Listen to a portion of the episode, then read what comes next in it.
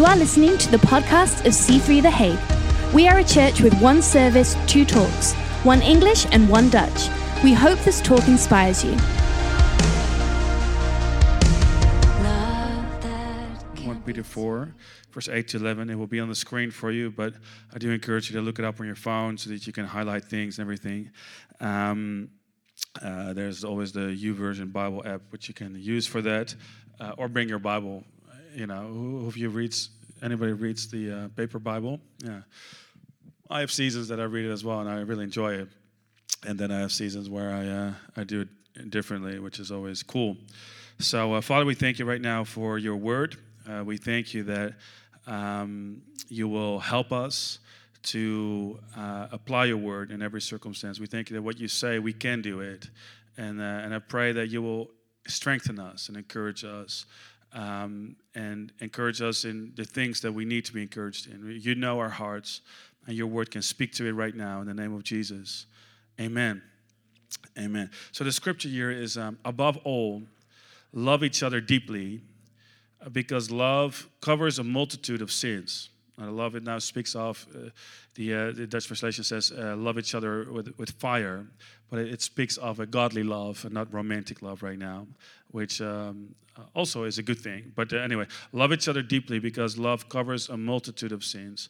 Offer hospitality to one another without grumbling. Anybody happy with that? If you've ever had a grumble, grumbling host, you kind of know what that feels like. Um, each of you should use whatever gift you have received to serve others as faithful stewards of God's grace in its various forms. If anyone speaks, they should do so as one um, who speaks the, word, the very words of God. If anyone serves, they should do so with the strength God provides, so that in all things God may be praised through Jesus Christ.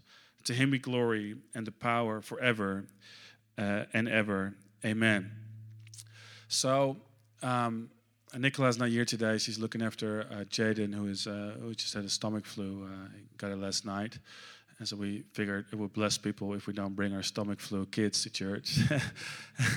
because, uh, anyway, uh, because of obvious reasons. Um, but um, so, Nicola, we don't often get a lot of time together. And I think if you know parenting, um, I guess a couple of you would, um, you know, there's, when kids are young, you don't get a lot of time. Well, our kids are young, and also uh, some of them uh, require some special attention. So it's it's pretty uh, it can be pretty hectic.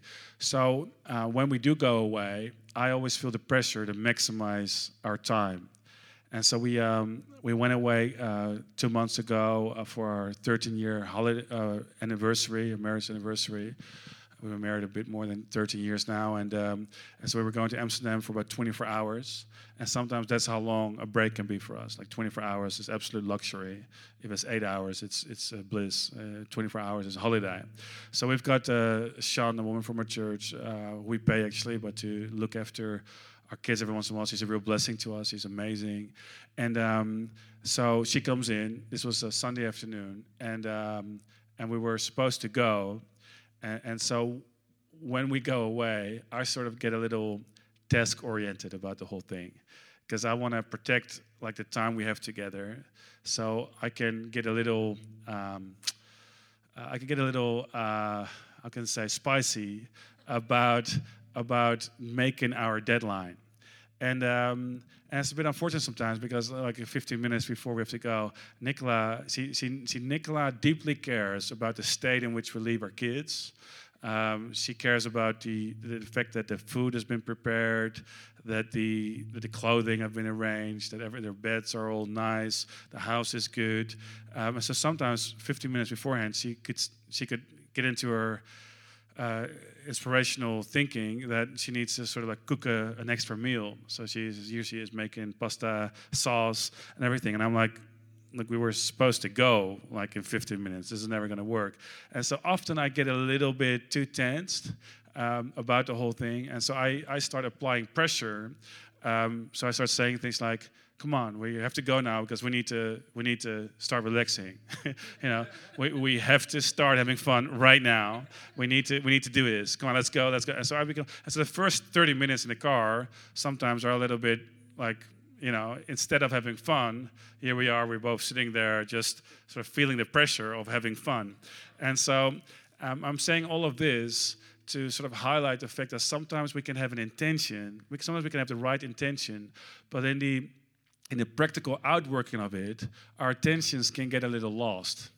Um, and I think I think this goes when we when we talk about love, especially love in a church context, but just being living out the Christian message, we can sometimes feel a little bit of pressure to perform. And in our pressure to perform the message can sometimes get lost. Have you ever experienced that? So so we have to welcome people right now. So welcome team get ready you know? And so we can get a little um, intentional which is good but in the practical outworking the sort of the, the love is not really felt. Does that make any sense? And i think that goes for a lot of things in our life. We can feel the pressure to love. And so i want to talk a little bit about the pressure today um, and i want to talk a little bit about about loving each other. Now, a lot of these, these things that we've been talking about over the past four weeks, and you can listen to this on our podcast if you need to, but are about honor, about commitment, about finding strength in God. Last week I talked about what do we measure, um, and I, I, actually we spoke about what do we trust in. Um, but greatness has a lot of facets to it um, generosity, uh, serving, all these things lead um, to greatness. But see, in our church, we, we try to avoid um, pressuring people into greatness. And we, we want to help you to, to excel in greatness out of, out of the love of God, out of a, a positive motivation. So, so I've noticed in leadership, especially Christian forms of leadership, um, that you, you cannot pressure people into greatness. So I sort of refuse to make giving mandatory. I sort of refuse to have all these mandatory things that people have to do because because because because I know that that we that we we need to inspire each other and we, we need to be inspired into greatness instead of be pressured into greatness. And sometimes when we hear the scriptures about loving people, it can become a pressure instead of instead of a joy. It can become an obligation instead of our worship. And so I want to talk about that a little bit. So today I'm going to go verse by verse through this scripture, and I'm going to try to get as far as we can. That's my commitment to you.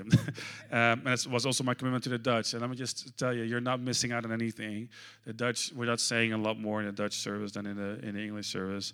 Um, sometimes I skip things in the Dutch service as well. So just having said that, all right. And sometimes I actually give more in the English service. So just uh, so you know. So let me just say first of all, the greater the love, the greater the grace. The greater the love, the greater the grace. Uh, Peter just says, above all, love each other deeply because love covers a multitude of sins. I love this because uh, Peter here says that love is, is above all. Love is before anything. Love is more important than anything else. And I find this fascinating because um, the Apostle Paul actually, when he gives us a definition of love in 1 Corinthians 13, he tells us what love is. And he says things like, You can give your body to be burned, but if you do not have love, it is like an empty thing. And so I find this fascinating because we often are fixated on the actual deed of love, but God is more f- fixated on the on the on the, the motivation of love. And what that tells me is that the thing isn't as important as the intention. So even if sometimes, so that's there's a little bit of grace for all of us, I think. Even if sometimes as a church we try to love people and it doesn't come out the right way, and people can sometimes maybe uh, I haven't had this recently, but people can take it the wrong way. At least we can know that if the love is there, we've been doing the right thing. We've been doing maybe we've been doing the wrong thing for the right reasons, but it's a lot better than doing the right thing for the wrong reasons, right? And so, and so he says, above all, love one another. And so the the the the intentionality of love is a lot more important than the actual practical outworking of love. And so I think we can forgive each other, which is I think this is what this goes into. I think we can be forgiving to each other as long as we know that the intention of love is there. I think it's going to help a lot of relational issues in church life. Well, you know what? They did it out of love. You know, they did it in the name of love. Like that, that's going to help because maybe somebody gets a little fanatical in their serving, you know, or in their encouragement to for you to join in in the serving. But you know what? Let's just keep in mind that we're doing this out of the intentionality of love. The the other thing I I kind of I really like, um, which I think is more the emphasis of this, is that love by definition covers covers love covers and and my encouragement to you is this to to never let anybody slap you around the face with scriptures that are about love yeah every single time you hear people say well the church should really dot dot dot or you know as a christian isn't it your duty to dot, dot, dot. Every single time people use love scriptures against you, um, I, would, I would say do not respond um, in a sense of do not feel the pressure to perform because people quote scriptures against you. I, I think it's a teaching of Jesus to look at our own hearts and to look at our own issues, to look at the, uh, what is the word, the, um, uh, the bulk, uh, the, the big uh, the log in your own eyes.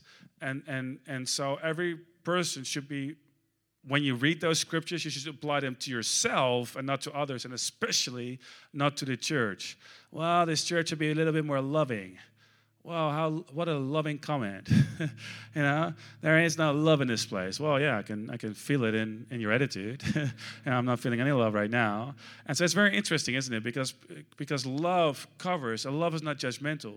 And I find often the biggest fans of social justice and love can be the biggest, um, can have the most judgmental attitude to other people and as a pastor, you know, you know what I'm talking about. We can be susceptible to hearing the messages of love out of a out of a, a bit of a sick sick attitude. And I and I think uh, so. My encouragement is don't let don't let people beat you around with love scriptures, and don't I would say don't do things out of don't don't love people out of pressure you know, because in a church context that can happen a little bit. But I would say the greater the love, the greater the grace. And so you can see the fruit in people's lives. And sometimes people try to sort of organize their own agenda out of a good motivation. I do believe these people actually want a loving church, but but I think the loving church starts with these people. okay, I've, I've said that. Um, so um, the second thing I find interesting is love doesn't uh, I didn't. I should have translated this for myself. Um, love is not something that um, that is happening by itself. I would say love is love is not natural, but that's probably a wrong, a wrong statement. But I would say love doesn't just happen. Love is not something that just happens. Um, actually, love requires a lot of effort. Um, Peter just says, he says, offer hospitality to one another without gr- grumbling. You know, to me, this is very good news because apparently he takes into account the possibility, the likelihood that we don't feel like being hospitable, but he still tells us to be hospitable. Have you ever been there where you, you don't feel like serving, but you're still serving? So, what he tells us to do is he says, serve, but, but don't do it with a, don't do it, don't grumble about it. Don't, don't be negative about it. Don't serve and talk about the leadership in the church. Don't, don't, don't serve and talk about other people are not doing enough. Don't serve and then think about, well, what am I really getting in return? Um, what he's saying is whether you feel it or not, um, do it as if you feel like it. do it as if you feel like it, whether you feel like it or not. Just serve with a smile. And I think it's, it's pretty interesting because because I think as a Dutch person, and maybe as uh, wherever you come from, probably in the UK, it's fairly similar in Germany. Um, you know, we sort of sometimes feel like when you go to America, for example, you know, you get people smiling, you know, at the gas station. Wow, how are you today? Isn't it a great day? Well, you know, we tend to feel like that's a little fake. Know, as Europeans, we tend to think, like, you know, that's a little, that's a little bit fake for you to just just tell me that you're smiling. You know, don't smile at me if you don't feel like smiling. That's what we sometimes think. But you know, I kind of, I, I kind of appreciated it because, you know, um, people often say like, if we serve people with a smile and we don't feel like it, isn't that fake? Well, how would you feel like if I would come up and preach on Sunday saying, well, you know what, I don't really feel like it today. But uh, let's be honest, life isn't that great. but, you know, I'm just going to read the scripture to you. No, no, no. We're going to serve with a, a smile. And here's the thing I don't think it gets a lot more real than serving with a great attitude when we do not feel like it.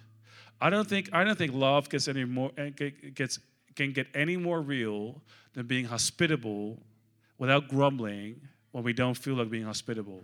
When we feel like just cuddling up on the couch with our fleece blanket on our own, watching Netflix, and now our house is full with people, and we're doing that and we're saying, Hey, it's so good to see you. It's and we're encouraging people. That is love. I was reminded this morning about the fact that Jesus did not complain when he, when he gave his life for humanity on the cross. But, but a couple of days beforehand, he has this prayer moment and he, and he has this moment with God and he says, Lord, if there's another way. Because, because obviously it wasn't his, like, like he didn't, can I give you this revelation? Jesus did not feel like dying on the cross for humanity and becoming, becoming sin. There was no sense of this is great.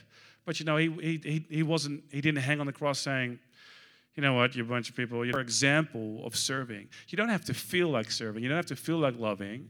Just do it with a smile anyway. And that, I don't think love gets a lot more real than that. Jesus says there's no greater love than to give your life for another, for a friend. And you don't feel like doing that, but but uh, so so I want to take the pressure off a little bit. You don't have to feel love. Just, just do it.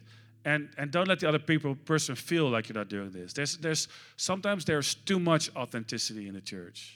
You know what I mean? Like I just want to be authentic and real. Well, you know what? Some of us are not waiting for your authenticity because it gets sometimes a little too real.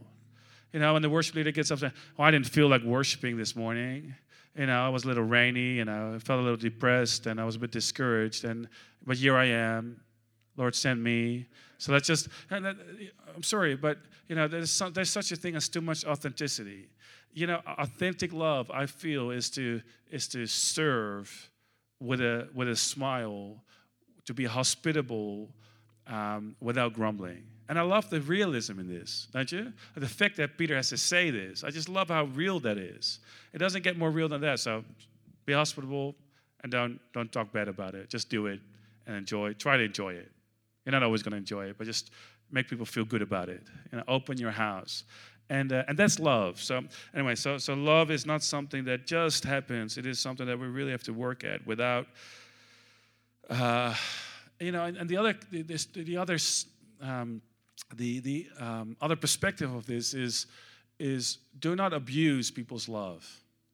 Because sometimes, if I'm honest, sometimes in a community where people do things out of love, where people drive other people out of love, where people um, host, open their houses for connect groups and everything. Sometimes we can go to somebody's connect group, uh, to somebody's home six weeks in a row, and we don't even thank them because we think, well, it's their Christian duty to do so. And I understand that, but let's also show appreciation for people who who show us love. Let's thank people. Let's honor people. Let's show appreciation. Let's the worship team who works hard every week. Let's show our appreciation for the fact that people are serving us. Let's let's let's really appreciate because you know again every single time people come up and say, "Oh, the church should be a little bit more." Well, let's just appreciate for what is happening. You know, people paid for your seat today, which is an amazing thing. People people worship God so we can make this happen today. So let's not be obsessed about what we don't have, but let's let's let's be thankful and let's appreciate people for the things that they do do. And sometimes I admit, sometimes we make mistakes, but but let's be appreciative. Let's never let's never take love as a right, but but but let's let's take it as a grace. Let's take it as a free gift. Let's let's try to be appreciative out of what we what we have um, I think this is what Paul means when he says, you know, those who share from their spiritual things with you, share.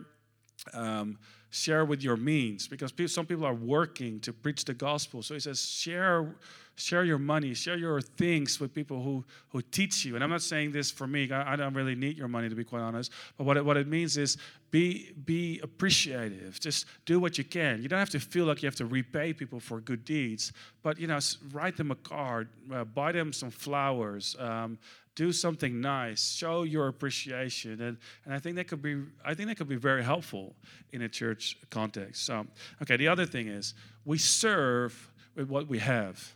We serve with what we have. Paul says, offer hospitality to one another without grumbling. Do you know what I love about hospitality? Is, is that you can, we, we can all be hospitable in some way. You don't have to have a big house. You don't have to have great cooking skills. It does help, let's be honest about it. Uh, cooking helps. But you don't have to be able to pay for another person. You know, you can take a person out for a 3 euro 50 broodje dungelman, which is like a, the butcher around the corner, and you can just offer them something, and you can be hospitable with with three euro fifty, you can buy somebody a free cup of coffee in church, and it won't. No, anyway, it won't cost you anything. Um, but see, hospitality is more the mindset than really the means you have. And so, I would encourage you. God does not ask you to be hospitable with a house you don't have. And maybe you feel, I don't have a house and I'm sharing my house with other people. Well, you know, you can be hospitable by inviting somebody over uh, to have lunch with you as you're going to have lunch, to, to include people, to go to the beach with people, to, to create community and to make people feel that they are welcome in your, in your life and your friendships and like that you have time and energy for them. That is hospitality. So there's never the sense of, we need to be hospitable what we don't have. There's always the sense of being hospitable what we do have you might you might not have a house, but you might have a car. Well, use your car hospitably. You know, drive people around and bless them.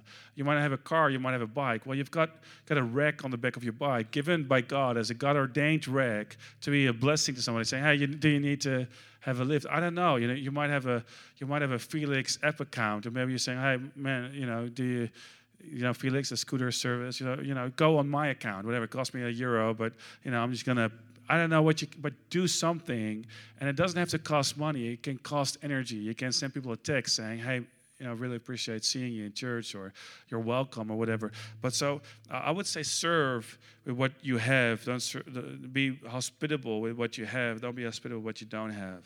You know, I had this thought when, when we were when I was preparing this that there's about 13, 14 sort of bigger neighborhoods in our city. Wouldn't it be amazing if every neighborhood would have like four dinner parties where where people could just come in, um, enjoy a great meal, where, where Christians from C3, uh, where C3 will be known for organizing meals and everything. Um, people don't have to pay for it. People just can just come in. We open up our houses, our apartments, whatever. We throw parties and, and we, we give people a sense of community and they're always welcome not just the food, but people feel like they're being heard and appreciated, and uh, they tell us about their challenges at work, and the next week we remember them, or they tell us their name and we remember their name, and, and so wouldn't it be amazing if we become like, like, like instead of a service, we become like a relational hub center where there's there's all kinds of parties going on during the summer where we or we just basically, or people who are looking for community, they're looking for C3 because they know that C3 is a community place where, where people have fun, where, where, you're, where people are accessible, where people care. See, caring is not just about pastoral care, caring is about like like my I'm known here. People love me. People care about me. People want to see me. And so and so I think if we can be known for parties, that will be amazing. If we can be known for eating together, that will be incredible and um, and we can do and, and, and we can do that. It's a lot more simple than we think. We don't have to have a connect group to to host somebody. Do you know that as a as a young adult uh, in church i used to i used to live in arnhem would go to church in amsterdam. One of the one of I, I don't remember all the sermons that i heard preached but I do remember the times when people invited me after church to come out for lunch or to come to their house. And sometimes older people, sometimes sometimes married couples. Uh, and I was a, a, single guy. Sometimes they were just listening to me. Sometimes they encouraged me. Sometimes they gave me a book or whatever. And it's just those those meetings where where it felt like people appreciated uh, me, where people cooked an extra meal just to invite somebody to church afterwards.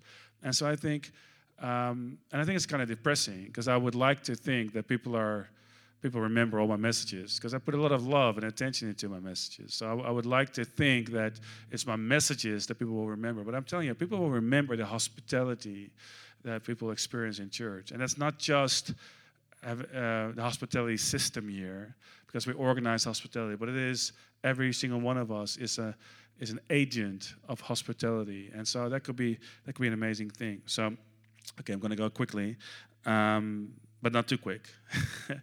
um, the other thing I would say, and this is a big one, start with grace and not with the need. Start with grace and not with, with the need. Uh, Peter says, each one of you should use whatever gifts you have received to share, uh, to serve others as faithful stewards of God's grace in its various forms. If anyone speaks, they should do so as one who speaks the very words of God. I, I personally love that because I just, I kind of feel that. Um, now let me just get into that later. But, but see, needs are important, but needs are not energizing. You know, to me, to me, the needs in our city are depressing. and so I have never seen people change the world because out of, out of a sense of duty. But see, when we focus on the needs, we tend to get this feeling of duty over us. And, um, and I would say, let's not start with the need. I, I was trying very specifically to find like a, a group of people that you know that, that, are very specific that we don't reach. For example, uh, single senior citizens who love midget golf. I don't think there's anybody in a church who is a senior citizen who love. And so I'm just I'm just I'm just really segmenting that like to the to an extreme so that I don't have to call out any other other segments and people don't feel offended. But let's just say we don't we don't have any single senior people who love midget golf, so we need to start doing something for them. That is often the sense that people have in church. We don't reach those people, we need to start doing something for people. Well, actually the opposite is true. We we saw English speaking people coming into church. Um, and we didn't have an English speaking service. We're like, well, these people are keep keep coming. We have to tell them that we don't we're not really able to help them. Let's work with what we have. Let's start with the grace that we have. And in your personal life, I think it would be really great to do a brainstorm session, not about what you don't have, what you can do, but what about what you have that you that you can do something with. For example, we did a, um, a brainstorm session last summer with uh, a couple of our volunteers where we said, what, what are amazing moments in our church in the past year? And to be quite honest, when you start a brainstorm session like that, in the beginning you tend to feel, yeah, I'm not quite sure what is so super amazing. We've worked hard this year, but you know, and so people were mentioning this event or this moment or this conference or this this meeting, and we started to unpack that to to say, okay, so let's focus on this one little thing, this one day that we really enjoyed. Okay, how did that feel? What what why are we so excited about that? If we just dream, if we just unpack this a little bit, what does that say about who we are? And we we came we came to discover a couple of inspirational things. But you know, the, the thing that I thought was really helpful is it emphasized who we were instead of look, instead of that we were looking at what we don't have. And often I think in our personal life, I think we tend to look at gifts that we don't have because we feel the pressure of a need. So here's a need. Let me get the gift so that I can help people. No, no, no. Here's the gift. Here's my my desire. Here's my frustration. Here's here's what I'm good at. How can I use this to further the kingdom of God? And you will find that it is way more energizing than starting with the need. Your gifts per definition, are energizing to you. And so, uh, and so I, th- I, think that would be really amazing if you could just have a brainstorm session about the last year. What was a moment or a day or a moment in church or a moment in your life or at work or in your family where you felt like this is amazing? And start unpackaging that and, and just kind of like sort of figure out what, what your gifts are, what your talents are, what your what the grace is on your life. Because God works through multiplication. See, God often uses what you have to multiply what you, have. he says a little ye- the kingdom of god is like a little yeast that multiplies itself. Um, the, the, god works through fruit. So so he says let's let's create a multiplication system and the seed is in the fruit. And so whatever fruit there is there will be seed in it for multiplication. And so look at the fruit of your life instead of looking at the at the need of the world. You're to have way more fun doing that because you can feel so pressured to change. I need to change the world. No, you don't. You need, you need, to, you need to use what you have and you need to maximize that and, and you need to do that. So let, let each of you should use whatever gift you have received to serve others. So, what do you have that you can help to serve somebody else? So, start with grace and not with the need. Okay, my last thought, and then we're going to finish this, is um, love is a power magnet. Love is a power magnet. And let me just let me just say, uh, read this. I just read it, but let me just finish it. If anyone speaks, they should do so as one who speaks the very words of God. If anyone serves, they should do so with the strength that God provides, so that in all things God may be praised through Jesus Christ. To him be the glory and the power forever and ever. Amen. So, so while we finish this, just, just let's just fix our attention on this one thing. There is a strength that God can give you when you do what's what God has given you the grace to do. I find it so amazing. He says, he says they should do so. If anyone serves, they should do so with the strength that God provides. See, I would say God will provide you with strength when you when you when you do something out of love. I have, I have never seen anybody burnt out out of love. I have seen people with the intention of doing something out of love, for example, doing a foundation or whatever out of love, and then that becoming somehow a pressure or an ambition of some sort, and then that motivation then leads to a burnout. Absolutely. But I think when when we really when, when we do something and our motivation remains love, I don't think you will burn out. I think, I think as you serve, God will provide you with energy. And hey, there might be some energy that is missing that you will regain when you serve. See, people sometimes say to me, like, Lucas, you preach a lot. Is, doesn't it get tiring? And, you know, it is hard work. But I would say, like, I, I, to be really quite honest with you, and don't tell anybody this, but but if I'm honest with you, I miss it when I don't. Because I just I just love and holiday is good for me. I'm gonna go on a couple of weeks holiday this summer and not preach and everything. But I just I just love that when I speak, um, I'm doing what I feel God has graced me with. And as I do it, even though, like, uh, to be quite honest with you, this is authentic. So last Friday, I was fairly tired and fairly uninspired. And I normally have my sermon ready a lot longer before, but I, I was 2.30 and I was like, what am I, what am I going to do? And you, every once in a while you get this feeling of, you know, what can I really offer? But I find that as I get into it, you know, I discover something like 1 Peter. I'm like, this is gold. This is amazing. And so it gives me new energy as I as I put that in, as I as I input into my gift, I find that that I serve out of the strength that comes from God. And therefore, Paul says, when you speak, speak as the oracles of God. When you serve, serve with the energy that God gives you. Because as you serve, you don't have to serve on your own strength. You can serve in the strength that God provides.